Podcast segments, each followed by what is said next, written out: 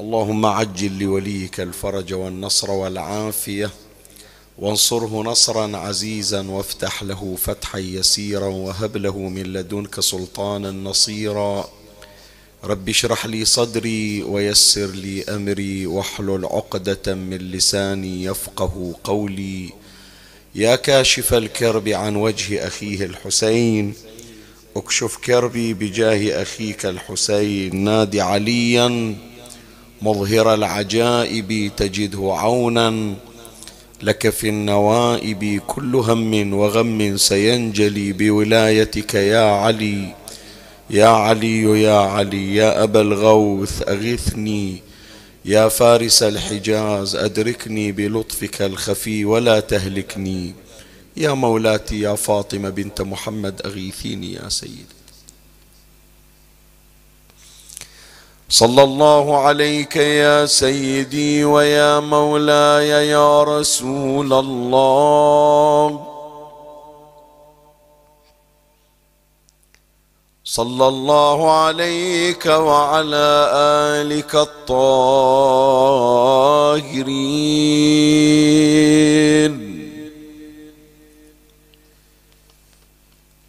فاز من اعتصم بكم وأمن من لجأ إليكم يا ليتنا كنا معكم.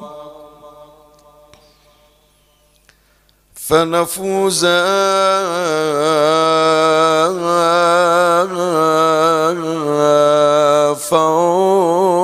فوزا عظيما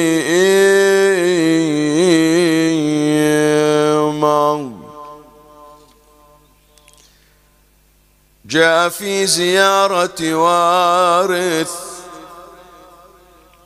بأبي أنتم وأمي. طبتم وطابت الأرض التي فيها دفنتم. وفزتم فوزا عظيما. فيا ليتني فيا ليتني كنت معكم فأفوز معكم.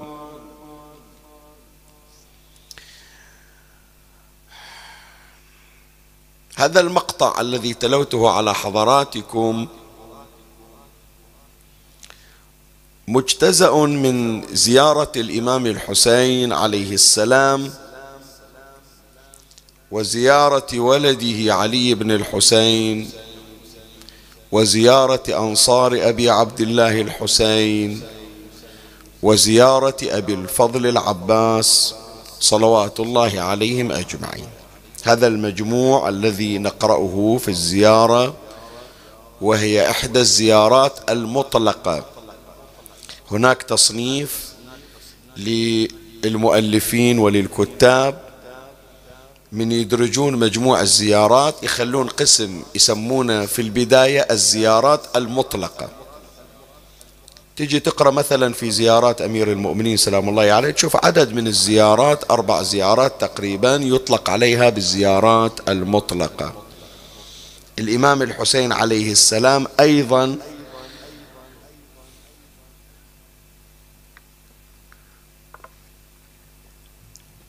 الإمام الحسين عليه السلام أيضا عنده زيارات موجودة في كتب الزيارات تقريبا سبع يطلق عليها بالزيارات المطلقة. الزيارات المطلقة شو يقصد بها؟ يقصد بها أنها غير مخصصة بيوم من الأيام. هناك زيارات كما سيأتي في القسم الثاني من التصنيف تقرأ عادة في يوم معين. لكن الزيارات المطلقة إن شئت أن تقرأها في اليوم المخصوص أو في أي يوم آخر بالليل أو بالنهار فلهذا أطلق عليها بالزيارات المطلقة يعني ليست مقيدة ولا مخصوصة بوقت تحديدا. تقرأ في أي وقت من أيام السنة. بس هناك زيارات معينة خاصة بأوقات محددة. مثلا زيارة ليلة القدر زيارة رجب مثلا زيارة النصف من شعبان مثلا زيارة عيد الفطر وعيد الأضحى زيارة عاشوراء زيارة الأربعين وما إلى ذلك.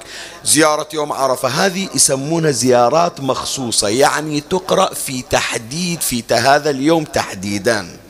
فلهذا من تفتحون جنابكم مفاتيح الجنان وغير مفاتيح الجنان تشوفون أن الزيارة عادة تقسم إلى قسمين. زيارات مخصوصة وزيارات يطلق عليها بالزيارات المطلقة. هذه الزيارة زيارة وارث من الزيارات المطلقة. والذي قام بسبك هذه العبارات هو الإمام الصادق صلوات الله عليه. الإمام الصادق عليه السلام جاءه أحد أصحابه ويسمى بصفوان صفوان الجمال.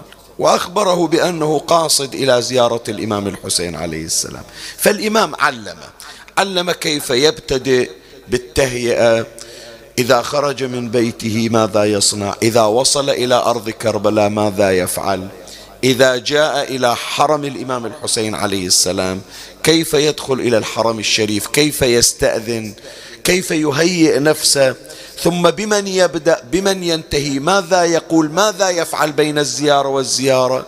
صلاته بأي كيفية تكون؟ ما هو الدعاء بعد الصلاة التي يهديها إلى الإمام الحسين؟ هذا كله شلون إحنا نعبر عنه اليوم بباكج كامل يعني؟ مجموع يحمل أسلوب الزيارة. لا يفوتني يا إخواني هذا إنصافا أنا مو كاتبها في التحضير لكن هذه من فيوضات السادة عليه صلوات الله عليهم. أكو عندنا يمكن بعضكم لاحظ بعض الأشخاص يجي إلى شيء من مفردات الزيارة ويستخف بها مو بقصد الاستخفاف أنا أحمل حسن الظن في الآخرين. بس ما أدري لعله أراد أن ينصح أراد أن يحسن فأساء أراد أن يوجه نصيحة فأخطأ البوصلة في توجيه النصيحة. يجي بعضهم يريد ينتقد التناقض الموجود عند بعض الأشخاص يعني يحضر مثلا للزيارة ويحضر في مجلس العزاء ثم يبدر منه ما هو مخالف إلى شؤون الزيارة وشؤون مجالس العزاء فيقول أنت شلون تقول يا ليتنا كنا معكم؟ هذا المقطع اللي جبناه في البداية. يجي آه، يخلي بعض التعليقات على هذه العبارة وعلى هذه المفردة. وكأنما يتصور بأن هذا من ابتكاراتنا إحنا. لا. ترى هذا تعليم الإمام الصادق عليه السلام. هذا مو خطباء قاعدين أو جماعة قاعدين شلون نكتب زيارة؟ قمنا كتبنا هذه الكلمة. لا هذا خطأ. هذا نص من الإمام الصادق عليه السلام. والإمام عليه السلام يعلمنا كيف نخاطب أنصار الحسين صلوات الله عليه. وهو يعني أنت كأنما تتجرأ تصور جنابك. شلون كأنما تستخف بخطبة فاطمة. شلون تستخف مثلا بخطبة رسول الله صلى الله عليه وآله في استقبال شهر رمضان. شلون تستخف بخطبة الإمام الحسين عليه السلام في يوم عاشوراء؟ شلون جنابك أنت تستخف مثلا بأمير المؤمنين وهو على منبره في مسجد الكوفة؟ أمير المؤمنين يقول سلوني قبل أن تفقدوني. واحد يقول له كم في شعري ولحيتي من هذا استخفاف. فلما يجي واحد يقول إيش الحكي فيا ليتنا كنا معكم. شوف سواياك شوف كذا. ترى هذا استخفاف بكلام الإمام مو بكلامي أنا. زين. قد يقول لا شيخنا أنا مو قصدي أنا مو قصدي أن أستخف بالإمام وإنما قصدي أني أعرض بالتناقض. عيب عليك أنت تقول فيا ليتني كنت معكم فأفوز معكم وأنت هذه سواياك. لا هذا خطأ أيضا. لو واحد قال أستغفر الله وهو يرجع إلى الذنب تقول له عيب عليك تقول أستغفر الله لو تدعوه للاستغفار. سؤال أسأل. أنت إذا شفت واحد حتى لو يوم الثاني يسوي المعصية. لو يوم الثالث يريد يكرر المعصية. لغلبة شقوته ولغلبة الشيطان عليه. تقول له بس اقطع الصلاة واقطع الاستغفار. لو تقول له بأن الاستغفار له نورانية تؤثر عليك ولو بشكل تدريجي. مثل هذا المريض اللي جابوه للمستشفى. ركبوا عليه تو مركبين عليه. السيلان المغذي وحاطين فيه ال antibiotic المضاد. بعده حتى الكيس ما خلص. قال هذا دواكم ما تغيرت ولا بيشيله ويذبه شي يقولون عنه. يقول بص شوي انتظر هذا المغذي ياخذ له تقريبا ساعة ونص ساعتين يا الله يخلص. ثم منو قال لك إنه من أول سيلان أنت راح بتحس بالأثار؟ يحتاج إلى أربع ساعات ست ساعات وكل هذا كل شفاء بمقدار قوة الدواء. فأكو بعض الأدوية تحتاج إلى يوم يومين أكو بعض الأدوية مفعولة في نفس الوقت أكو بعض الأدوية تظهر على المدى البعيد.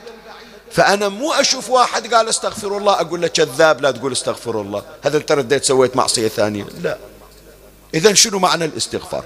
وكذلك أيضا يا إخواني لما الإمام الصادق عليه السلام يعلمنا يقول قل في زيارتهم فيا ليتني كنت معكم. أولا امتثالك احسب وياي خليها في بالك احسب وياي. امتثالك لأمر الإمام الصادق لأن هذه كما بينت لك الزيارة عمن عن الإمام الصادق. امتثالك هذا من الموفقيات. تمنيك هذا من الموفقيات الأخرى. نورانية ما تقرأ أنت في زيارة الجامعة كلامكم شنو؟ نور وأمركم رشد. نورانية الكلام تبتدئ بتبديد ظلمة المعاصي والذنوب. فلا تجي تستخف قبل لا أتجاوز هذا المطلب أبين لك شلون أكو ناس فعلا يحمل في قلبه حرقة ويتمنى التغيير لكن مع الأسف اللسان اللسان شوية مو جاي خدمة. مثل سيارة يا ذاك البعيد. سيارة ماكينتها عدل. وسلندراتها عدل ومتروسة بنزين بترول. لكن السكان مالها المقود مالها في رقلة مو قادر. مثل ما نقول أو, أو الأطارات مثلا تأخذ على صوب. إحنا نسميها في البحرين علماء الكراج يعرفون هالحكي. يقولون يسمونها الايمنت تأخذ على صوب. مو تمام؟ ماكينتها خوش ماكينة. غيرها خوش غير. ترتيبها خوش ترتيب. لكن تايراتها عوجة. اي من يضرب سليته يوصلها ما يشوف إلا انحرفت. أحيانا أحيانا يا إخواني القلب نظيف صح لكن أخاف يزعلون أقول لك لسان أعوج. حرقة عنده في قلبه على هذا العاصي لكن لسانه مع الأسف منفر. كان واحد لقدر في خوش طبخة لكن الملاس المغرفة مقضوضة مخروقة. من يشيل طاحت؟ ما يفيد شيء. العيب مو في القدر ولا في الطبخة العيب في شنو؟ في الملاس. القلب ما في عيب لكن اللسان هو اللي في عيب ويحتاج إلى تقويم. من القضايا ومن الشواهد قضية جرت قبل تقريبا أكثر من مئة سنة. ينقلها الخطيب العرفاني الكامل المرحوم الشيخ هادي الكربلائي. سامعين عنه شيخ هادي الكربلائي رحمة الله عليه. يذكر القضية. أنا ما شفتها في كتاب بس أخذتها من لسانه. يقول بأنه كان هناك خطيب يقرأ في حرم الإمام الحسين عليه السلام. وشاف بعض الأخطاء الموجودة عند بعض الزائرين. يعني يجي يلطم يبكي مثلا يصير وقت الصلاة ما يقوم يصلي. فهو هذا الخطيب على المنبر راد يوجه نصيحة إلى ذول المقصرين في شؤون العبادة. يريد يدعوهم إلى الالتزام بالصلاة يريد يدعوهم إلى الالتزام بالأمور الشرعية يدعو الزائرات إلى الالتزام بالحجاب. فقال كلمة الكلمة غلط. إيش قال؟ قال لا تتصور أن الحسين يقبل زيارتك. لو شو تسوي؟ شوف. لو شو تسوي؟ من تجي تط... إلى شباك الحسين وإنت ما تصلي ترى تجي ملائكة العذاب وتجرك من عند ضريح الحسين وتطلعك. هذه نصيحة منه نصيحة هذا الخطيب اللي على المنبر. يريد يدعو المقصرين في شأن الصلاة وفي شؤون الأمور الشرعية إلى الالتزام. فيقول له لا تتصور أن زيارة الحسين تنفعك ما تنفعك. تجي إلى ضريح الحسين وأنت مقصر في الصلاة ملائكة العذاب تجي تدخل إلى صحن الحسين توصل للحضرة توقف عند الضريح تجرك من الضريح الحسين. أكو واحد من الفقهاء ومن العلماء ومعروف يسمونه الفاضل الدربندي. عنده كتاب اسمه أسرار الشهادات. حقق مؤخرا وطبع في ثلاث مجلدات وهو من أهم الكتب. والرجل نفسه رجل له وزنه الخاص يسمى بالفاضل. هذا شوف هي من ضمن الآثار ومن ضمن النكات أنه مراجعنا وعلمائنا مو بس بس يدورون على الدرس الحوزوي يدورون حتى الحضور في مجالس العزاء. هذا فقيه لكن وين ما أكو مجلس تعزية يحضر ويستمع. فيوم سمع الخطيب على المنبر قال هذه الكلمة أن ملائكة العذاب تجي إلى الزائر المقصر الضريح الحسين والجرة قام على طوله هو هذا عنده قضيب عنده عصا يتعكز عليها اجى شايل العصا يريد يضرب الخطيب وهو على المنبر. ذاك الخطيب بعد يعرف الكلمة مو طالعة من أي أحد والتصرف مو من واحد عادي. يعني هذا الفاضل الدربندي فعل حجة فعلم الخطيب بأنه ارتكب أمرا خطأ استوجب غضب الفاضل الدربندي. قال له مولاي شيخنا عسى ما غلط. قال أردت أن تحسن فأخطأ. النصيحة والحرص على تغيير الآخرين هذا حكينا عن القلب واللسان. اي قلبك صح نظيف. والنصيحة عندك فعلا نصيحة ينبغي أن توجه. لكن أسلوبك في توجيه النصيحة ليس بصحيح. قال له شلون مولاي وجهني قال له تقول بأن ملائكة العذاب تدخل إلى ضريح الحسين وتجر ذلك العاصي من عند ضريح الحسين. وهل تجرؤ ملائكة العذاب أن تدنو من حرم الحسين؟ يا أبا عبد الله فداء لمثواك من مضجعي يقول الحسين باب الرحمة والملائكة المحيطة بقبر الحسين كلها ملائكة رحمة. بس شوف من سموه فاضل شلون. قال له مولاي إيش أقول؟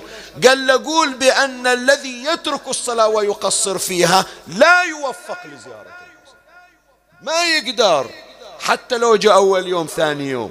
إذا أصر على الخطأ وأصر على التقصير يحرم. وأيضا أنتم يا إخواني ويا أخواتي ويا أبنائي ويا بناتي أنتم إن شاء الله أنوار الحسين تحوطكم وتقودكم إلى الهداية. لكن خلي عندك دافع إلى التغيير. لا تقول لا إذا إحنا ما دام نحضر في الماتم ما علينا خوف. لا. إذا أصررت على المعصية ذاك البعيد الإصرار على المعصية يسلب التوفيق فلا يوفق ذلك البعيد من الحضور في مجالس العزاء والبكاء على الحسين ويفقد الرحمة الحسينية.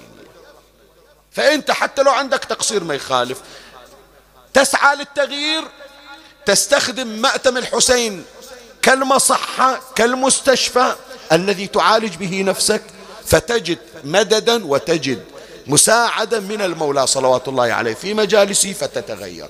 أما تقول لا ما أنا متغير وهذا أنا مدام أحضر مو مهم. لا اليوم النعمة الله أعطاك إياها باشر النعمة تسلب منك. إيه فكلامنا وين يا إخواني؟ كلامنا من يجي واحد يقول شو الحكي يا ليتنا كنا معكم؟ لا تقولها يا ليتنا كنا معكم. هذا هذا حكيك ما مثل ما يقولون ماخذ خيره. شنو ماخذ خيره؟ يقول إيه شوف تصرفاتك. لا هو حينما امتثل للإمام سلام الله عليه وأخذ بكلامه وبنورانيه كلام الإمام سلام الله عليه وبرغبته في التغيير إن شاء الله يوفق نسأل الله تبارك وتعالى أن يوفقنا وإياكم لمراضيه. صلوا على محمد وآل محمد.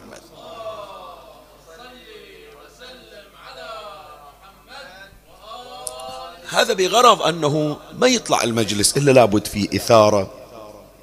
من شأنها أن تغير أنفسنا وتغير أيضا أصحاب الخطايا والمعاصي. رب كلمة أحيت صاحبها بعد الموت. طيب فهذه العبارة التي قرأتها وهي مجتزأة من زيارة الأنصار سلام الله عليهم بأبي أنتم وأمي طبتم وطابت الأرض التي فيها دفنتم وفزتم فوزا عظيما فيا ليتني كنت معكم فأفوز معكم. طيب هالمقطع يا إخواني في أربعة أمور؟ من تقراها تحوي أربعة أمور.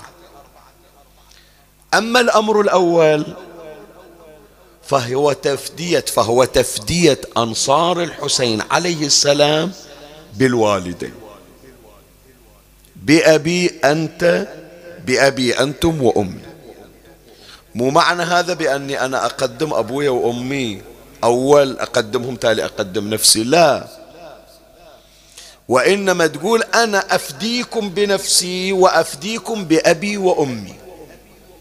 ليش؟ لأنه الأولى أن الإنسان يفدي والديه بنفسه. فإذا قدم والديه لفداء الأنصار من باب أولى أنه قدم نفسه.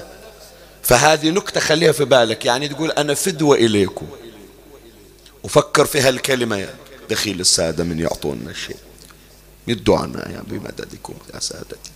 من يقول الحسين مولاي عليه السلام لسيدي أبي الفضل اركب بنفسي يعني. ما تقراها على باب حرم العباس عليه السلام؟ اركب بنفسي أنت وسل القوم أن يمهلونه إذا الحسين يقول للعباس أنا فدوة إلك. أنا شقيمتي أنا؟ فكيف لا أفدي؟ هذه من ضمن من ضمن ما هو في مظان وخفايا هذه الزيارة. أنك تفديهم. زين أفديهم شيخنا؟ هم الآن خلاص استشهدوا وفي مقعد صدق عند مليك مقتدر. ما بحاجة إلى فدوته لا أفدي شؤونهم أفدي مجالسهم بنفسي أفدي قبورهم بنفسي أفدي شعائرهم بنفسي أفدي أسماءهم بنفسي وبوالدي. مو واحد يقول لا لو كنت هناك كان بفديهم. هذا واحد من المعاني. لو أنا كنت يوم العاشر سنة الواحد والستين في كربلاء مو فداء للحسين أنا من أكون إلا الحسين يفديه العباس بنفسه وتفديه الحوراء زينب بنفسها. بس أنا أتشرف أن أكون فداء إلى شسع نعل القاسم الذي انقطع. فداء إلى جون مولى الحسين. إذا قبلني جون أن أكون فداء له. تخلي عندك هالإحساس هذه. فكلما أشعرت نفسك بالصغار أمامهم قربوك لأن تكون من خلص مواليهم ومن خلص أنصار الحسين عليه السلام. صار واضح مولاي الكريم؟ طيب إضافة إلى ذلك هذه تعرف أنه أنت من تقول إلى أي أحد فدوة إلك أمي وأبويا. ما يجوز هذا الكلام. تشيل ولدك اللي تحبه؟ يعني هذه يمكن خلوها في بالكم يا يا أولادي ويا بناتي ويا أخواتي ويا إخواني ويا أمهاتي أيضا. تشيل الولد عندك ولد صغير إحنا عندنا هذه في مصطلحاتنا في الخليج عموما. نقولها في البحرين في الشرقية في, ال... في كل بلدان الخليج ننقلها. ويمكن تجي في عبارات أخرى. تشيل الطفل الصغير ترقصه تقول له خلف أمي وأبوي. مو هالشكل يقولون؟ أمهاتنا وآبائنا. يا خلف أبوي أنت. يعني يا بعد أبي. يعني كأنما تقول له أفديك بأبويا وأمي. هذه تعرف إذا قلتها إلى الطفل أو إلى أي أحد وأبوك وأمك موجودان فقد عققتهم عققتهما. عقوق هذا. ولدك تقول له يا خلف أبوي. وأبوك موجود. يا خلف أمي. وأمك موجودة. هذا عقوق. لأنه المفترض أنت وأولادك فداء إلى أبيك وأمك. لكن اسم الله على آبائنا وأمهاتنا إذا راح الأب وراح الأم. فتقول للأولاد يا خلف أبوي وأمي هذا بر بالوالدين. ليش؟ لأنك أبقيت ذكر الوالدين وتمنيت في أولادك أن يكونوا امتداد للوالدين. شوف شلون يتحول العقوق إلى بر والبر إلى عقوق. لكن عمي إذا وصلت القضية إلى الحسين وأهل بيت الحسين. لا. أي أنا أي أبوي وأمي أي أولادي الكون كله فداء للحسين فداء لك يا أبا عبد الله. هذه خلوها من ضمن الأسرار الليلة. هذه كلها من فيوضات. ترى بعد ما دخلت أنا في صلب الحديث لهذه الليلة. بس هذا مما أفاضوا بهم عليه. فإذا هذا أول أمر نستلهمه في هذه الزيارة وفي هذا المقطع تحديدا بأبي أنتم وأمي طبتم وطابت الأرض التي فيها دفنتم وفزتم فوزا عظيما فيا ليتني كنت معكم فأفوز معكم. الأمر الآخر الأمر الآخر من الأمور المهمة في هذا المقطع تمني أن تكون مع أنصار الحسين. مو والله أنا أقعد وأسمع أنا ما جاي أقرأ ألف ليلة وليلة ولا جاي أقرأ كليلة ودمنة ولا أنا جاي أقرأ سيرة الزير سالم أو قصة عنترة ابن شداد قاعدين نتونس. إحنا مو حكواتية يا إخواني. إحنا من نستعرض شلون عابس ابن شبيب الشاكري ينزع درعه وهو أحد أصحاب رسول الله وقراء القرآن. ويقولون له يا عابس أجننت؟ يقول دعني فحب الحسين أجنن. لما أشوف هذا عمرو بن جنادة طفل صغير والحسين يقول له عد إلى أمك حتى تأنس بك. يقول له سيدي إن أمي هي التي قلدتني سيفي. ويطلع ويقول أميري حسين حفظناها هذه. ونعم الأمير سرور بفؤادي البشير النذير علي وفاطمة والدا. فهل تعلمون له من نظير؟ له طلعة مثل شمس الضحى له غرة مثل بدر منير. نتمنى نقول يا ريت إحنا هناك كان إحنا بدالة. كان نقول له استريح إحنا خدام إلك وخدام للحسين فهذا التمني تعيش حالة التمني مو بس تسمع وتأنس. تتمنى أن تكون مع العباس في المشرعة. تتمنى أن تكون مع عبد الله ابن الحسن ينقض على صدر الحسين ليفديه ويرفع ايده عن سيف أبحر ابن كعب وتتمنى إيدك تنقطع ولا جرح يوصل إلى واحد من أولاد الحسن. فضلا عن الحسن. هذه أدبنا أهل البيت على أن نسوغ أنفسنا نصيغ أنفسنا لنكون مثلهم. التمني. زي شيخنا إيش فائدة التمني؟ لا إلى فائدة هذا الإحساس بس أنه تقول يا ريت أنا وياه. يعطيك الأجر. يعطيني الأجر. إيه شوف اللي يفهمون شلون. جابر بن عبد الله الأنصاري إن شاء الله ما باقي علينا شيء. باقي تقريبا يمكن 14 يوم أسبوعين وبتسمع الكلمة في زيارة جابر. أشهد أن قد شاركناكم فيما أنتم فيه. إلا أشكل عليه عطية العوفي ترى عطية مو خادم. مو مثل ما يتصورون عطية أحد فقهاء أهل البيت. عطية العوفي اللي تسمع عنه. هذا أحد الفقهاء وملازم لجابر مثل ما ابن عباس يلازم أمير المؤمنين. الغلام ذاك غلام غيره إلا قال يا جابر قم واستقبل حرم الله وحرم رسول. هذاك غيره عطية مو الخادم مو الغلام عطية فقيه من فقهاء أهل البيت. فهو من سمع الكلمة استكثرها. ما يصير شو الحكي هذا؟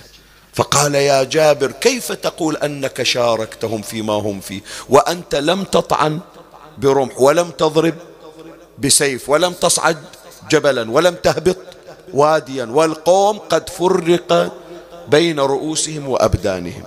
يقول أنت بالله هذا المقام تحصل مجان ما يصير. ما يصير هذا مقام يشهد لهم المعصوم به. أنت ما سويت شيء حتى تحصل هالمقام. هم مو بس سووا هذا الضرب بالسيف والطعن بالرمح والصعود للجبل والهبوط إلى الوادي لا سووا زيادة. فرق بين أجسادهم وأبدانهم. بس يقول جابر يقول لا أنا مو جاهل وأنا أعرف التجري على المقامات هذه من المنكرات. بس أنا أعرف أنه بس مجرد التمني بصدق نكون شركاء معهم. حتى لو ما وفقنا للحضور.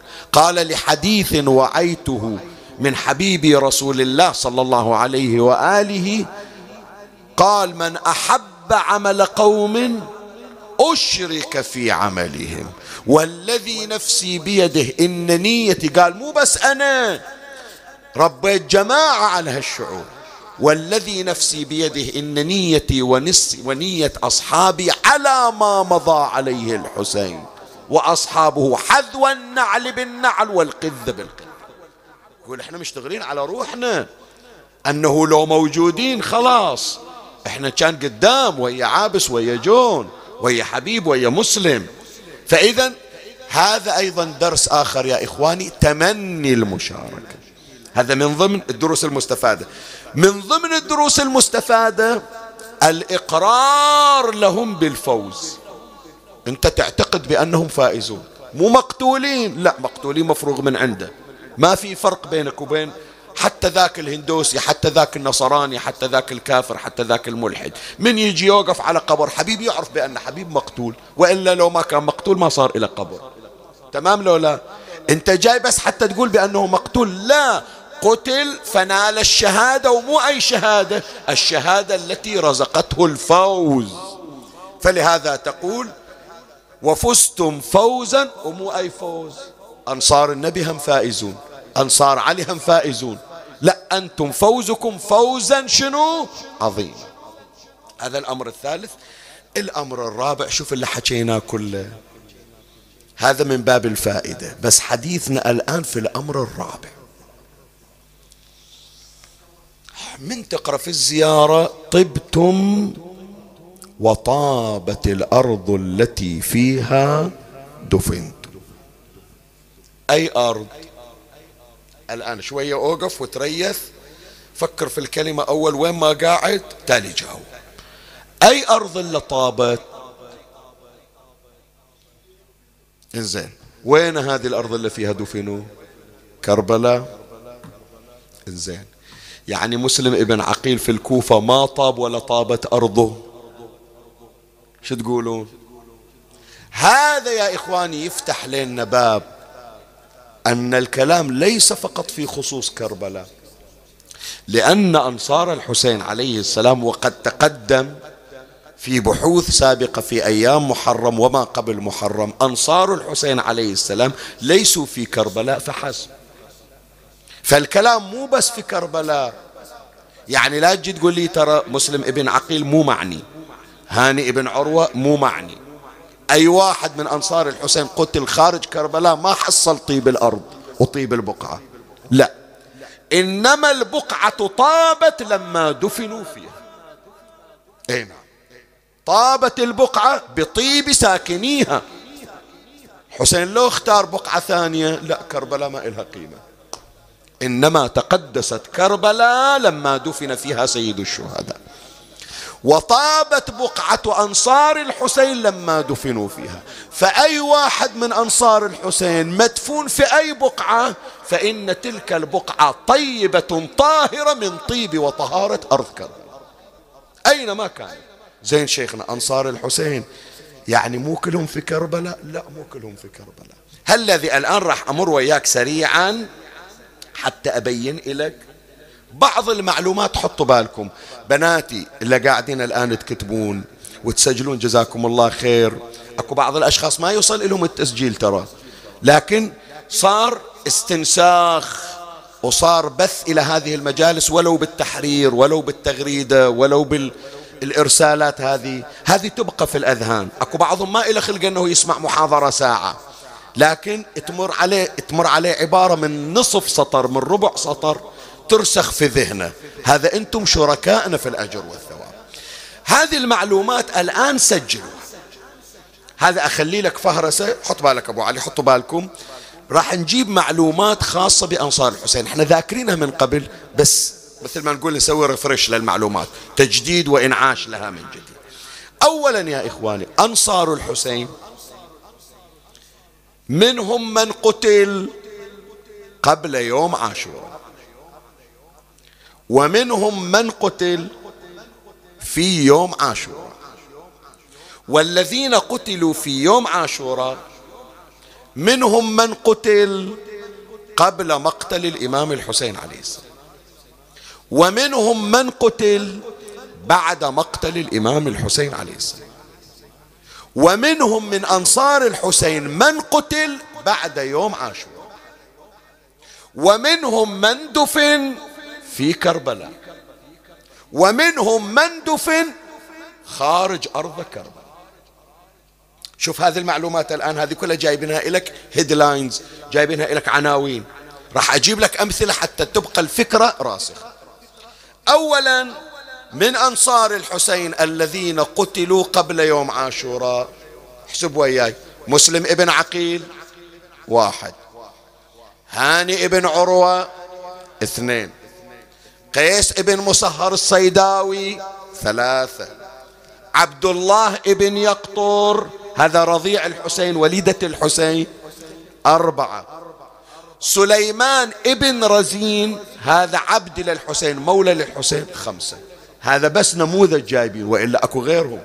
هذول كلهم من أنصار الحسين وأسمائهم مكتوبة على ضريح الأنصار لكن مقتولون قبل يوم العاشر من المحرم زين. نجي إلى يوم العاشر.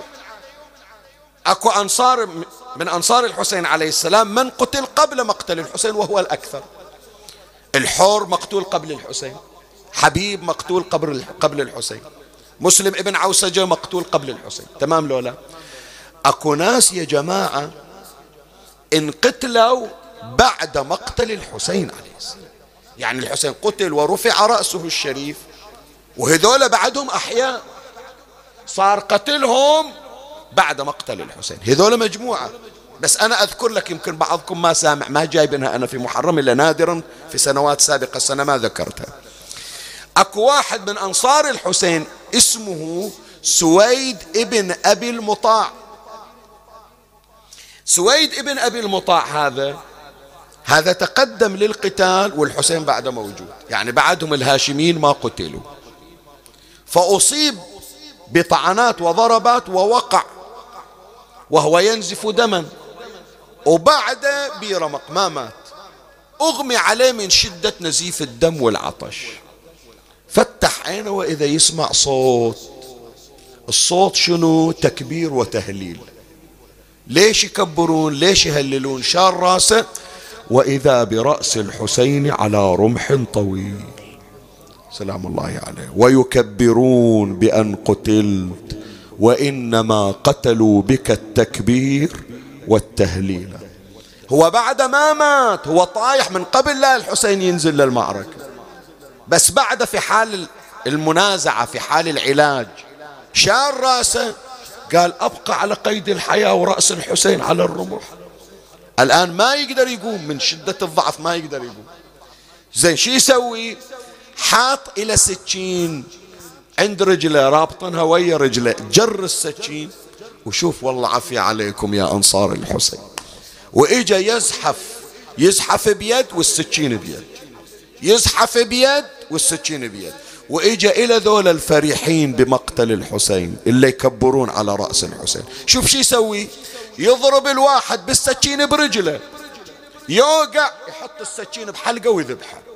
ويروح للثاني يضربه في رجله يوقع يحط السكين بحلقة قتل جماعة وهو جريح في الرمق الأخير. شو هالبطولة شو هالشجاعة شو هالفداء بصروا به إلا شايلين الرمح يسمعون الصراخ وإذا كان حين واحد يطيح شنو القضية؟ قالوا واحد من أنصار الحسين بعد ما مات. فاجتمعوا عليه وقطعوه إربا إربا. سويد ابن أبي المطاع هذا مقتول يوم العاشر. لكن قتل بعد المقتل الشريف. أيضا أكو غيره هم أيضا. زين. عندنا أيضا يا جماعة. عندنا أشخاص قتلوا بعد يوم العاشر. يعني مو في يوم العاشر مثل هذا سويد بن أبي المطاع. هذا في يوم العاشر لكن عقب مقتل الحسين. أكو آخرين لا. قتلوا بعد يوم العاشر. مثل منو؟ واحد من أنصار الحسين اسمه سوار ابن منعم. اسمه موجود. تشوفونه تقرون إن شاء الله إذا رحنا إلى كربلاء قريبا إن شاء الله. قريبا إن شاء الله. قريبا إن شاء الله. اللهم ارزقنا ولا تقطعنا.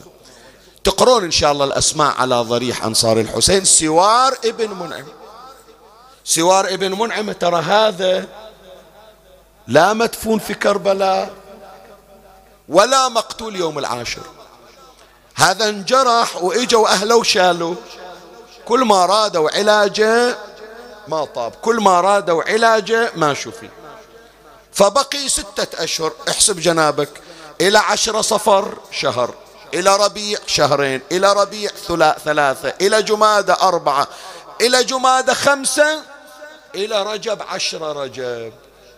من فرط الجروح والإصابات فارق الحياة بعد ستة أشهر من مقتل الحسين هذا واحد فارق الحياة بعد يوم العاشر من المحرم وخارج أرض كربلاء. هذه أيضا من ضمن معلومات أنصار الحسين عليه السلام. طيب من قلنا طبتم وطابت الأرض التي فيها دفنتم وقلت لك بأن ترى مو كلهم موجودين في كربلاء أكو بعضهم خارج كربلاء. زين عامة الأنصار والهاشميون مدفونون حول ضريح الحسين عليه السلام.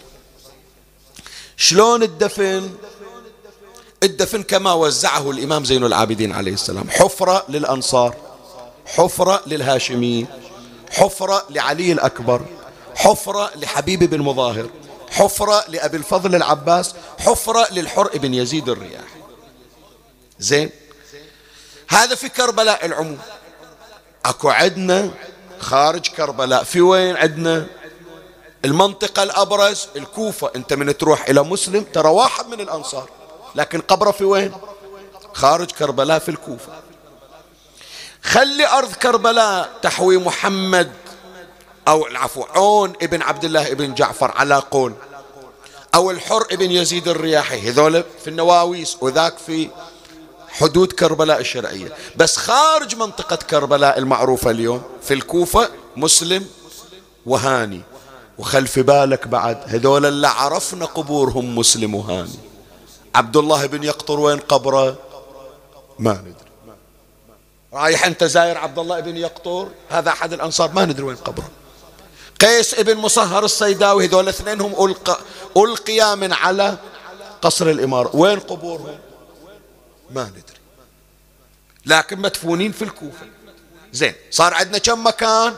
كربلاء والكوفة احسب وياي. عندنا منو بعد؟ سليمان ابن رزين. هذا مولى للحسين عليه السلام. هذا رايح مودي رسالة إلى أهل البصرة. عبيد الله ابن زياد بعدما اجى والي إلى الكوفة بعد والي على البصرة. قال هذا ترى يرسل الحسين يسوي لنا فتنة. قتلوه قتلوه في البصرة ودفن في البصرة. هذا واحد من أنصار الحسين مدفون في وين؟ في البصرة. وين قبره؟ ما ندري. هاي من ضمن الأماكن. بعد وين عندنا عندنا واحد من أنصار الحسين يسمونه الموقع ابن ثمامة الصيداوي. هذا وين مدفون؟ العلماء يقولون مدفون في منطقة يقال لها الدارة. لأن هذا من جرح إجوا أهله شالوه طلعوه من غير ما حد يدري. طلعوه برا كربلاء وعالجوه وسكتوا عليه. من طاب راحوا يتوسطوا عند ابن زياد. جابوا السبايا إلى الكوفة وجابوا رأس الحسين وطلعوا رايحين إلى الشام. إجوا إلى ابن زياد قالوا له أمير إحنا ترى أخونا الموقع. قال إيه الموقع هذا؟ قال زين إحنا جايين نطلب من عندك تعفو عنه. قال ليش؟ هو حي. قالوا إيه. جرح وإحنا عالجناه وطاب. قال إذا لازم أقتله. قال وش أسوي في قتله؟ الحسين وانقتل والقضية وانتهت. قال اذا إذا تريدوني أعفي عنه لا يقعد في بلد أنا فيه. شيلوه وطلعوا بيه فشالوه أهله وطلعوه. وين ودوه؟ ودوه منطقة يسمونها الدارة. إجوا علماءنا يدورون الدار وين؟ بعضهم قال أن الدار منطقة من مناطق عمان. فهو هذا مدفون في عمان البعض الآخر من العلماء يقولون بأنه لا الدار إحدى المناطق في المنطقة الشرقية من قرى القطيف من مناطق القطيف فهو مدفون هناك.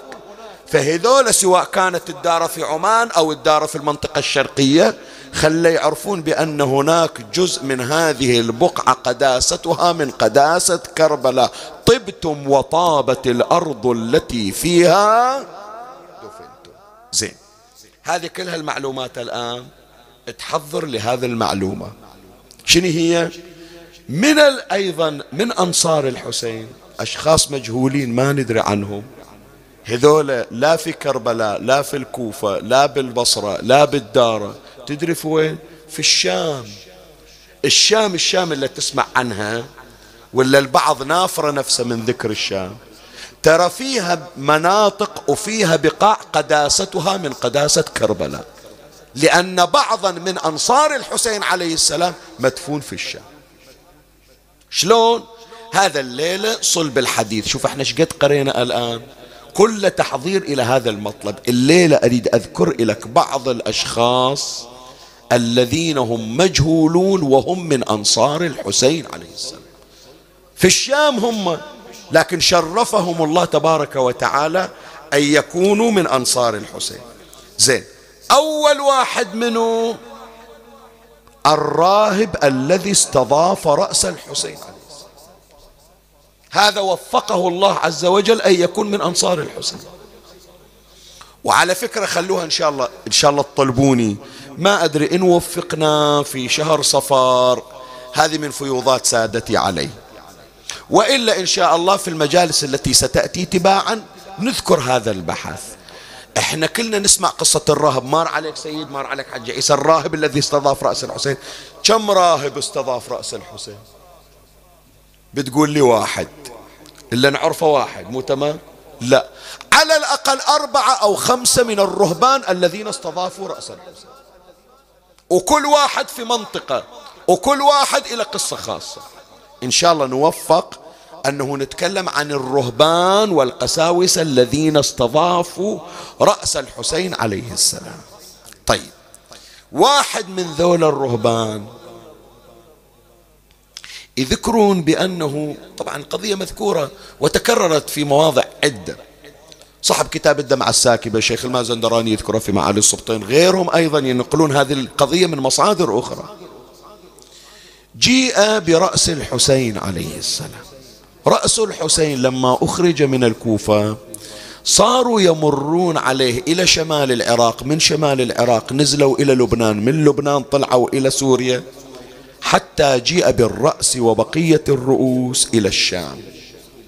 وكل منطقة يمرون عليها لازم يطلعون أهل المنطقة يفرحون ويشمتون برأس الحسين ابن يعني إعلان ولاية إلى الدولة وإعلان براءة من الحسين. أكو بعض المناطق لا تبرأت من الحسين وشمتوا بالحسين وشمتوا بالسبي. وأكو مناطق أخرى لا تبرأت من قاتل الحسين ووفقت أن تكون من أنصار الحسين عليه السلام. فكان من ضمنهم أكو واحد يقولون اسمه نصر الخزاعي. هذا سوى كتيبة قال إحنا ما حضرنا كربلاء لكن نسوي نسوي كربلاء ثانية ونكون من أنصار الحسين. ولابد نستنقذ رأس الحسين هذا الرأس اللي يطوفون به على الرمح من مكان إلى مكان لازم ناخذه من عندهم ونخلص زينب وأخوات زينب ونخلص زين العابدين. فلهذا هيئوا العدة لمقاتلة الجيش الذي كان مستعدا أو كان يحمل الرأس الشريف ويسعى بالنساء. فظلوا ذول اللي شايلين الرأس خايفين على الرأس أن يسرق. إلى أن مروا عند كنيسة. وين الكنيسة صايرة؟ تحديدا ما ندري بس على حدود الشام. بعضهم يقول عند بصرة الشام. بعضهم يقول لا عند معرة النعمان. يعني ولا جاي من عند حمص وحلب قبل لا يوصل إلى دمشق بعد ما يتجاوز حماة أكو هناك منطقة يسمونها معرة النعمان. إذا سامع عن هذا الأديب أبو العلاء المعري مر عليك هذا المعري نسبة إلى معرة النعمان. بعضهم يقول في ذاك المكان أيا كان هذه الحادثة جرت قبيل الوصول إلى الشام. وصلوا بالليل. الرواية تقول وياهم الشمر. لعن الله شمرا ولعن الله قتلة الحسين. قالوا الأمر مخيف ترى جايين يستعدون يسوون جيش يريدون يخلصون الرأس. شو نسوي؟ قال ماكو حل إلا أنه إحنا نشوف إلنا كنيسة من الكنائس والليلة ننام في الكنيسة ونحط الرأس في الكنيسة والسبي ذول النساء والأطفال وهذا العليل المقيد ننزل كلنا في الكنيسة إلى باكر الصبح ونستعجل الذهاب إلى دمشق. فجاء قتلة الحسين وحملة الرؤوس يطرقون باب الكنيسة في منتصف الليل. طلعوا القساوسة طلعوا الأحبار. شعدكم جايين؟ هي كنيسة. وأنتم مسلمين وإحنا نصارى وهذا مو وقت زيارة إلى الكنيسة. قالوا إحنا من جنود الأمير. وإحنا رايحين إلى الشام إلى دمشق الآن. وهذا إحنا عندنا راس خارجي. خرج على الأمير. وهذا الراس يريدون يسرقونه وإحنا لازم نوصله إلى الأمير. فإحنا نريد الليلة ننزل عندكم. ونتنزل عندكم هذول السبايا. وينزل عندكم هذا العليل. وإحنا وياكم إلى باكر. لأنه إحنا نخاف أنه يجونا جماعة يريدون يأخذون الرأس من عندنا. الرهبان الأحبار ما قبلوا القساوسة ما قبلوا قالوا هذه الكنيسة مكان مقدس. وإحنا نخاف أنه هذول اللي جايين يريدون يأخذون الرأس يقتحمون الكنيسة وتهتك حرمتها. فإحنا ما نقبل. إحنا ما نقبل. قال زين شو نسوي؟ قال إذا تردون الرأس جيبوه. السبايا اللي خايفين عليهم جيبوهم. العليل هذا اللي الجامعة على صدره. جيبوه دخلوه عندنا للكنيسة. وإنتوا قعدوا برا حتى إذا اجى الجيش إجوا ذولا المتمردون قاتلوهم برا الكنيسة. تصير حرب برا الكنيسة. يوم اللي تخلصون من عندهم تعالوا خذوا الراس وخذوا السبايا. فشمر استحسن الفكرة. قال خلاص اخذوا الراس ودخلوا السبايا ودخلوا الأيتام. ودخلوا هذا العليل وإحنا نبات برا وباكر من الصبح نجي ناخذ الراس وناخذ السبي وناخذ هذا العليل المقيد. فجابوا رأس الحسين عليه السلام. أكو روزنة يعني فتحة في الجدار. قالوا من خلي الراس. يا أبا عبد الله في تلك الروزنة باكر الصبح يجون يأخذون. حطوا الراس وقعدوا زينب وأخوات زينب وزين العابدين منتصف الليل وإذا النور يشع من جبين الحسين.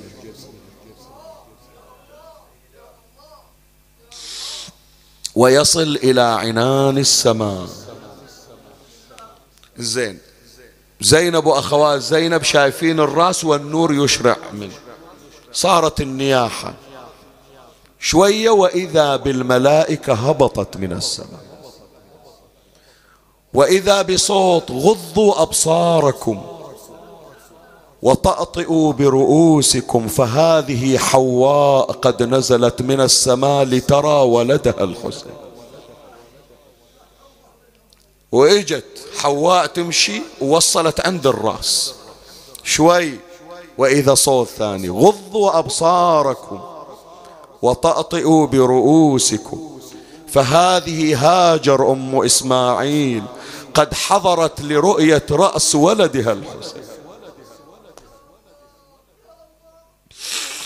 شوي وإذا صوت ثالث غضوا أبصاركم وطأطئوا برؤوسكم. فهذه راحيل أم يوسف قد جاءت لزيارة حبيبها الحسين.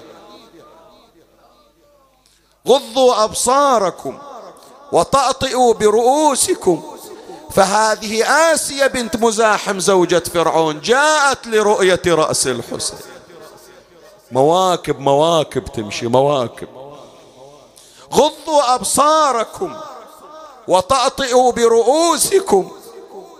فهذه مريم أم عيسى قد جاءت لرؤية رأس الحسين.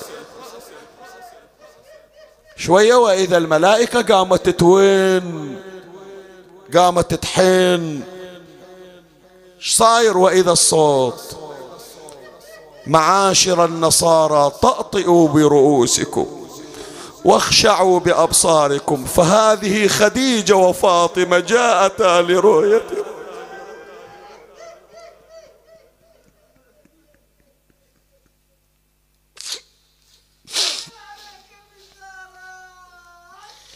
واجتمعت النساء الشريفات العفيفات.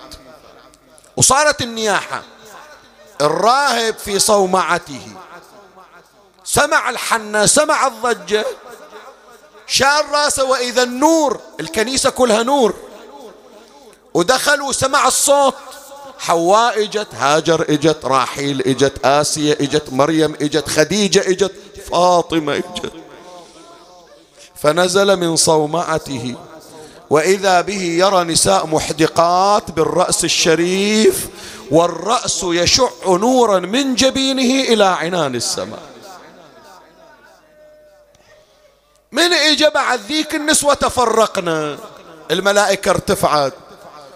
اجى القس إيش صاير؟ الراهب يصيح إيش صاير؟ حكوا له قالوا له هذول جايين يقولون هذا راس خارجي. قال هذا مو خارجي. هذه الكرامة ما تصير إلا إلى نبي لو وصي نبي. قالوا ما ندري ما نعرفه إحنا؟ قال وخروا أعطوني مجال خلي أنا أجي أحكي وياه. إذا هو صاحب شان راح يرد علي. وإجا الراهب عند تلك الروزنة وتناول رأس الحسين. وطيب الرأس ووضع عليه الكافور والطيب وأزال الدم عن وجهه. وقام يمسح على رأس أبو علي على خد أبو علي. وين وياه؟ شي يقول له يا راس رؤوس بني آدم ويا عظيم جميع أهل العالم ويا من نزلت لأجله خواتين النساء. لا شك عندي أنك مذكور في التوراة والإنجيل. ومن أعطاك الله علم التوئيل علم التأويل فبحق النساء النازلات. من أنت؟ أخبرني باسمك ونعتك. يا حسين يا أبا عبد الله. الراس مغمض عينه الراس مقطوع مغمض عينه بس أقسم عليه وإذا الرأس فتح عينه. وإذا الرأس انفتحت شفتاه وإذا يصيح أنا المظلوم. أنا المهضوم. صاحب الدمعة الساكبة يذكرها. أنا المهضوم. قال المظلومين واجد المهضومين واجد منو أنت؟ قال أنا قتيل كربلاء. أنا عطشان كربلاء.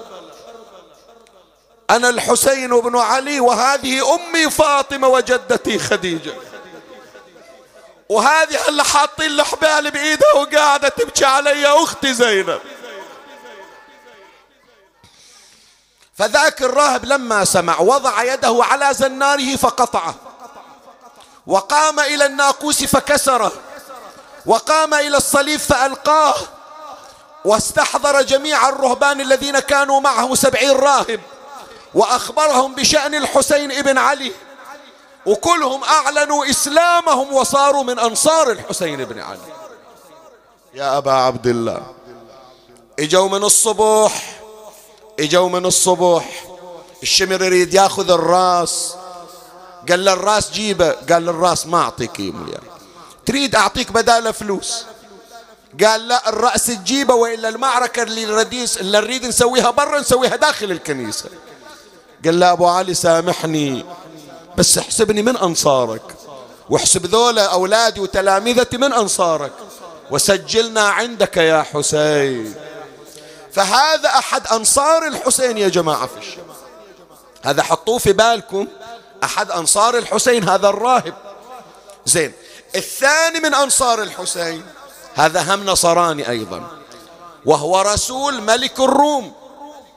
جيء برأس الحسين عليه السلام إلى قصر قاتله. ورسول ملك الروم قاعد وشوف الراس بالطشت وكل ساعة يضرب بالعصا وتكسر أضراسه. ومروان بن الحكم يوكز الراس ويلكزه في عينه وفي خده وفي أذنه. والله لا أوجع قلبك الليلة. لمن تدخر البكاء بعد؟ بكاءك إذا ما صار في محرم وصفر متى يصير؟ ويمد يده ويأخذ رأس الحسين من أرنبة أنفه. رسول ملك الروم التفت إلى قاتل الحسين. قال له يا أمير هذا رأس من؟ رأس من هذا؟ أول مرة أشوف قد أنا جاي أزوركم؟ لكن ما شايف مثل هالمنظر. رأس من؟ قال هذا رأس خارجي خرج علي. زين هذا الخارجي شو اسمه؟ ما إلى اسم قال إلى اسم. يعلمني قال ليش أعلمك؟ قال مو أنا راح أرجع. الملك راح يسألني الشفت وراح أخبره. إذا سألني قال لي هالرأس اللي لعبوا بيه رأس من؟ أجاوبه؟ فقال رأس الحسين ابن علي. قال له حسين ابن فاطمة؟ قال له اي نعم. قال له فاطمة بنت نبيكم. قال له نعم. قال له أف لك ولدينك. مع الأسف والله. قال له شو الحكي؟ قال له أنا أقول لك تدري أنا منو؟ قال له لا ما أدري. أعرفك رسول لملك الروم. قال له إن جدي أحد أحفاد داود النبي. ما مر في طريق إلا وأقبلت النصارى تأخذ التراب من تحت نعله. وهو بينه وبين داود أكثر من ثلاثين جد. وليس بين نبيكم وهذا الراس إلا فاطمة وتقطعون راسه وتضربونه بخيزرانه قال له أسكت قال له ما أسكت. إيه والله لأغيظنك يا فلان قال له نعم. قال له أسمعت عن كنيسة الحافر؟ قال له لا كنيسة الحافر ما سامع عنها. قال له بين عمان إلى الصين هذا البحر. أكو جزيرة صغيرة تسكنها النصارى ليس لملك عليها حكم. فيها كنائس كثيرة ومن هذه الكنائس كنيسة فيها حافر لحمار وضعوه في حقة من الذهب وقالوا بأن هذا الحافر لحمار يركبه عيسى ابن مريم. وإن النصارى لتحج إلى هذه الكنيسة في كل عام. وابن بنت نبيكم تقطعون رأسه وتضربونه بالخيزران. قال له هذا باكر راح يفضحني. هذا باكر راح يفضحني. أمر به فقتل قبل لا يقتل. قال له شوف أنا أقتلك الآن. قال له تقتلني؟ قال له إيه نعم. قال له خلي أخبرك. بس أحكي لك الحكاية ولا تريد تسويه سوي. قال له عندك بعد أكثر من اللي قلته؟ قال له أنا أقول لك البارحة وأنا في عالم النوم رأيت عيسى ابن مريم قد أقبل ومعه نبيكم محمد. صلى الله عليه وآله. من شافني نبيكم قال ابشر فإنك معي في الجنة. قلت له يا محمد ترى أنت مو نبي إلي وأنا مو من أمتك أنا من أمة هذا عيسى ابن مريم. قال لي لا أنت من أمتي. وظليت من البارحة إلى اليوم أنا أفكر شلون أنا من أمتكم؟ وشلون أنا في الجنة ويا نبيكم؟ لكن عرفت بأن السبب في الهداية هو الحسين. ثم انقض ذلك النصراني على رأس الحسين وقال يا أبا عبد الله أنا أشهد أن لا إله إلا الله وأن جدك محمد رسول الله. يا حسين اقبلني معك من أنصار. وقتل على رأس الحسين بن علي. هذا شو تقولون عنه؟ من أنصار الحسين لو لا؟ هذا واحد من أنصار الحسين في الشام مدفون بعد منه من أنصار الحسين. الشيخ الذي جاء إلى زين العابدين وقال له الحمد لله الذي قتلكم. سيد بن طاووس يذكره في اللهوف وغيره أيضا. وأكذب أحدوثتكم وأراح البلاد والعباد منكم. الإمام التفت إلى قال له يا شيخ قرأت القرآن؟ قال له وما شأنكم بالقرآن؟ أنتم خوارج إيش عرفكم بالقرآن؟ قال له بس جاوبني. قرأت القرآن؟ قال قرأت القرآن. قال فهل مررت على قوله تعالى قل لا أسألكم عليه أجرا إلا المودة في القربى؟ قال له إيه أحفظها. قال له منو القربى؟ قال له ما أدري منو القربى؟ قال هالبنات اللي على الجمال مقيدات نحن القربى يا شيخ. هل قرأت قوله تعالى وآت ذا القربى حقه؟ قال له إيه نعم. قال له وحق جدي رسول الله نحن القربى يا شيخ. فهل قرأت قوله تعالى؟ فاعلموا أن ما غنمتم من شيء فإن لله خمسه وللرسول ولذي الق... قال له إي نعم. قال له نحن القربى يا شيخ. يا شيخ قرأت قوله تعالى إنما يريد الله ليذهب عنكم الرجس أهل البيت ويطهركم تطهيرا. قال له نعم. قال له نحن أهل البيت الذين طهروا الله تطهيرا. قال له منو أنت؟ قال له أنا علي بن الحسين. وهذا الراس اللي على الرمح راس أبويا الحسين. كان يقول له زين وهالمرة هلت وين تكسر الخاطر من. قال هذه عمتي زينة. قال اللهم إني أبرأ إليك مما صنع بالحسين وصل خبره لقاتل الحسين أمر به فقتل. مدفون في الشام. شو تقولون؟ من أنصار الحسين لو لا هذول من أنصار الحسين. خلاص عمي كافي المجلس مكتمل. لكن بعد أقول لك واحد من المظلومين إلا ما حد يذكرهم وهذول من اللي عاشوا حرقة في قلوبهم على الحسين وهم في بلد الشماتة في الشام. سهل ابن سعيد الساعدي. ويذكرون سهل الشهرزودي. تارة يقولون الساعدي تارة يقولون الشهرزودي. بس الظاهر أن الشهرزودي في الكوفة الساعدي في الشام. يقول أتيت إلى الشام أتيت إلى دمشق في الأول من صفر ورأيت الأعلام منشرة والأسواق معطلة ورأيت الناس يصافح بعضهم بعضا وكل يقول أيامك سعيدة بقتل الخارجي. قلت يا سبحان الله أكان لأهل هذا المصر عيدا. نحن لا نعلمه قمت أمشي متحير إيش صاير؟ أول مرة نسمع عيد بصفر. الأعياد معروفة. إجيت يقول وإذا برجل واضع رأسه بين ركبتيه ويون على الحسين. يا أبا عبد الله. هذا واحد من أحد الأنصار الذين نصروا الحسين بالولاء في بلد الغربة والشماتة بعضهم يقول قتل هذا الشيخ أيضا. مر عليه سهل قال يا شيخ الناس في فرح وسرور وأنت تبكي. شار رأسه مسح دموعه. قال له متى رأيتني أبكي؟ الله الله في سفك دمي ترى إذا دروا عني قتلوني؟ أنا عايش بالخفية كمؤمن آل فرعون. قال له لا تخف لا بأس عليك. ترى أنا مو من أهل البلد. أنا سهل بن سعد الساعدي ممن رأى رسول الله وسمع حديثه. ترى أنا واحد من أصحاب النبي لا تخاف ما أذيك قال له بالله عليك أنت سهل. قال له إي نعم. قال له سهل. أسألك سؤال رد علي. قال له عندك؟ قال ألا تعجب بأن السماء لا تنطبق على الأرض وأن الجبال لا تتدكدك على السهل. قال له صاير؟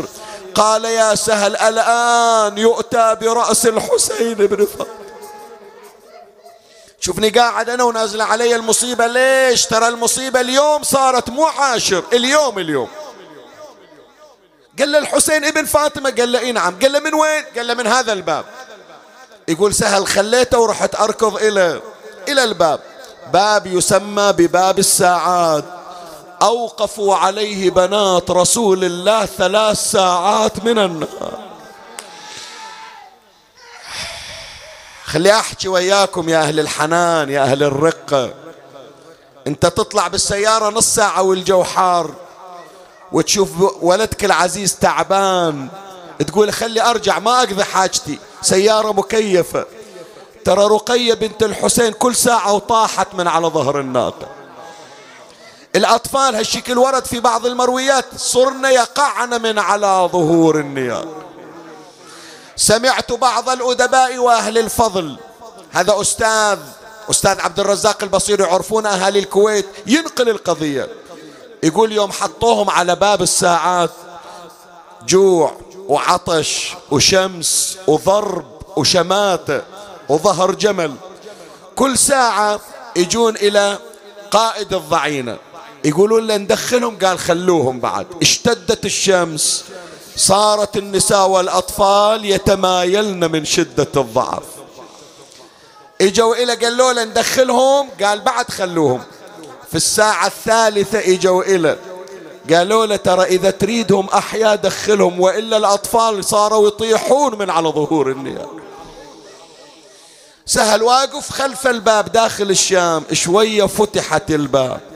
وإذا به يرى عشرين جمل ضالع عليها أربعون شقة وأمام تلك الجمال سبعة عشر رمح على كل رمح رأس وأمام تلك الرؤوس رأس على رمح طويل والريح تلعب بشيبته شلون وصفوا رأس الحسين؟ قالوا جبينه مكسور. عيناه أدعجاوان جبينه وضاء حاجباه مقترنان طويل الأنف خداه موردان لحيته الشريفة نصل منها الخضاب الدم قد سال على كريمته شاخص بطرفه إلى السماء. هذه تحتاج من عندك صرخة ترى والناس يرمون رأس الحسين بالحجارة. وإذا بصوت امرأة تنادي بلسان الحال يا هلالا. نياحة نياحة الليلة وينهم أصحاب الحوائج؟ الليلة أكثر من واحد مخلي الحوائج عندنا بالمجلس. يقول لا تنسونا. نقرأ هاي المصيبة بنية قضاء الحوائج وشفاء المرضى. يا هلالا لما استم لما استتم كمالا يا يا يا. غاله خسفه فأبدى غروبا. ما توهم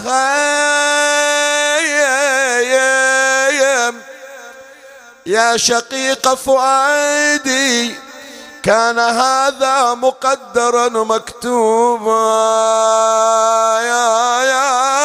لا والد لي ولا عم نلوذ به ولا أخ لي بقي أرجو ذو رحمي أخي ذبيح ورحلي قد أبيح وبضاق الفسيح وأطفالي بغير حمل غريبة غريبة. سلم عليها وقال يلي على المطية.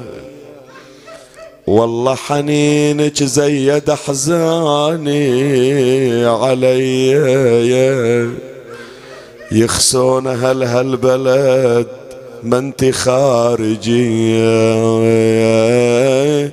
جنك يا مسبية من شيوخ المسلمين. قالت أنا جد النبي صفوة الجبار وأبوي حيدر قاسم الجنة مع النار. ومني أمك؟ ومكسورة الأضلاع شمامة المختار. أمي وأنا زينب وأخوتي الحسن وحسين. علي نعرفه محمد نعرفه الزهرة نعرفها لكن هلا تسولفين عنهم ما عندهم بنية يركبونها على جمل ويدورون بيها. الزهرة ما عندها واحدة من بناتها ثيابها مغرب مغبرة ومحرقة.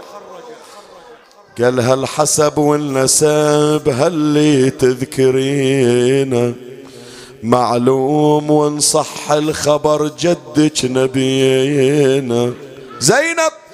لكن يا زينب وين خدر اللي يوصفونه تركبين حسرة فوق ناقة وأخوتك وين؟ وين أبو فاضل عنك وين؟ قالت لا تسألني وعاين روس الرماح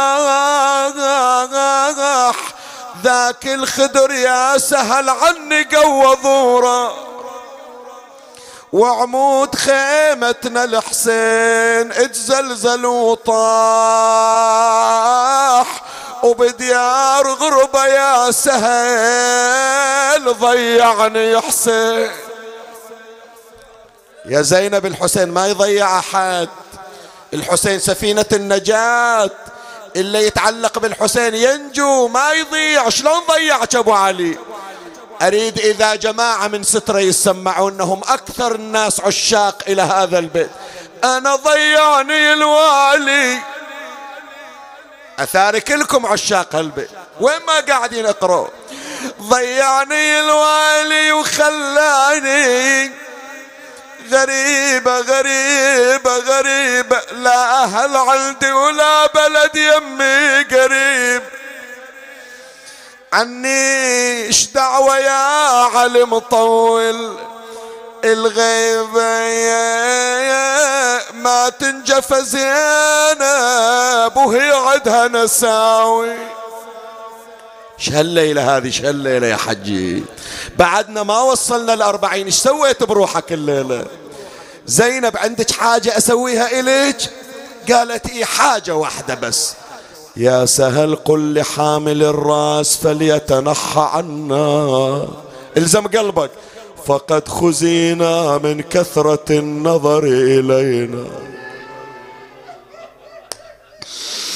إن كان عندك يا سهل بعض من المال خلى الرجس عنا يميل بروس الرجال. قل يصد بروس اهلنا عن هالعيال والله اختزينا وذابت قلوب النساوي. لا تبرد لا تبرد لا تبرد. بعد أريد من عندك نياحة وأختم. للرجس ردينا شدا بالله ورسوله. والمال سلم له ودمعاته هموله. تمرد الطاغي وردنا صبروس الحمولة بين المحامل والخلوق وقفت الصوبة. زينب ولا راس الحسين وراس أبو فاضل قدامها؟ شي يصير بحالها؟ ما بين ما هي واقفة وتصعد انفاس ولا الرجس جاها وكل جانب نصب راياس. اقرأ وياي. وقبالها راس الحسين وراس. عبا يا ياس قالت يا خلق الله المصايب جتني منه وجابوها ووقفوها على باب الديوان. اطلب حاجتك التمسك الدعاء. صاحت ويصيح ويصيح بعد ما يطيب جرح القلب ويصيح أنا غريبة ولا ولي وجيت. ويصيح زينب تقول عدوي طب على الشمايات. ويصيح شي يصيح؟ ويصيح أخت عباس جابوها هديه يسب أبوها عند سلب قناعها. ولا ستر إلا ساعد وزنود بناتك يا كرار صرن غنيمة. ويطمع فيها شامت وحسود أترضى يا علي. أترضى وأنت الثاقب العزم غيرة. يلاحظها حسر القناع يزيد يا نور المساجد والمدارس يا ذباح كل سبع نفارس. علي يا علي ترضى يا مل الدين حارس يدخلون زينب في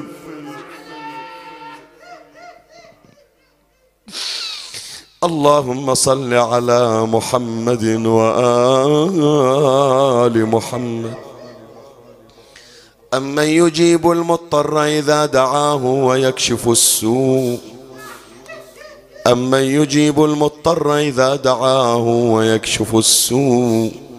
أمن يجيب المضطر إذا دعاه ويكشف السوء يا الله.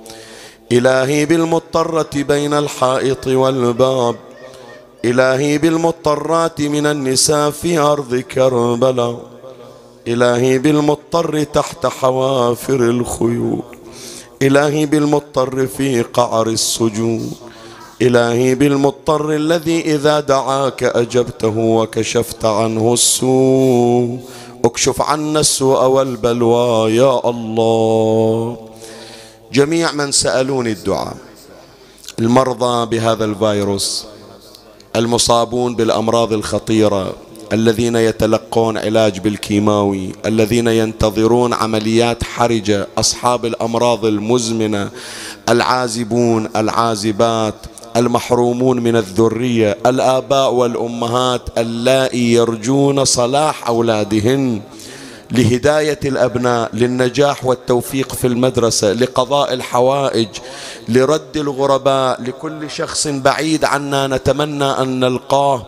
لكل من ضاق عليه الرزق لكل من تراكم عليه الذين لكل صاحب حاجة. اللهم إني وضعت حوائج كل من سألون الدعاء ومن لم يسألنا الدعاء من المؤمنين والمؤمنات على مائدة سيدتي ومولاتي رقية بنت الحسين. اللهم بشرنا بقضاء الحوائج.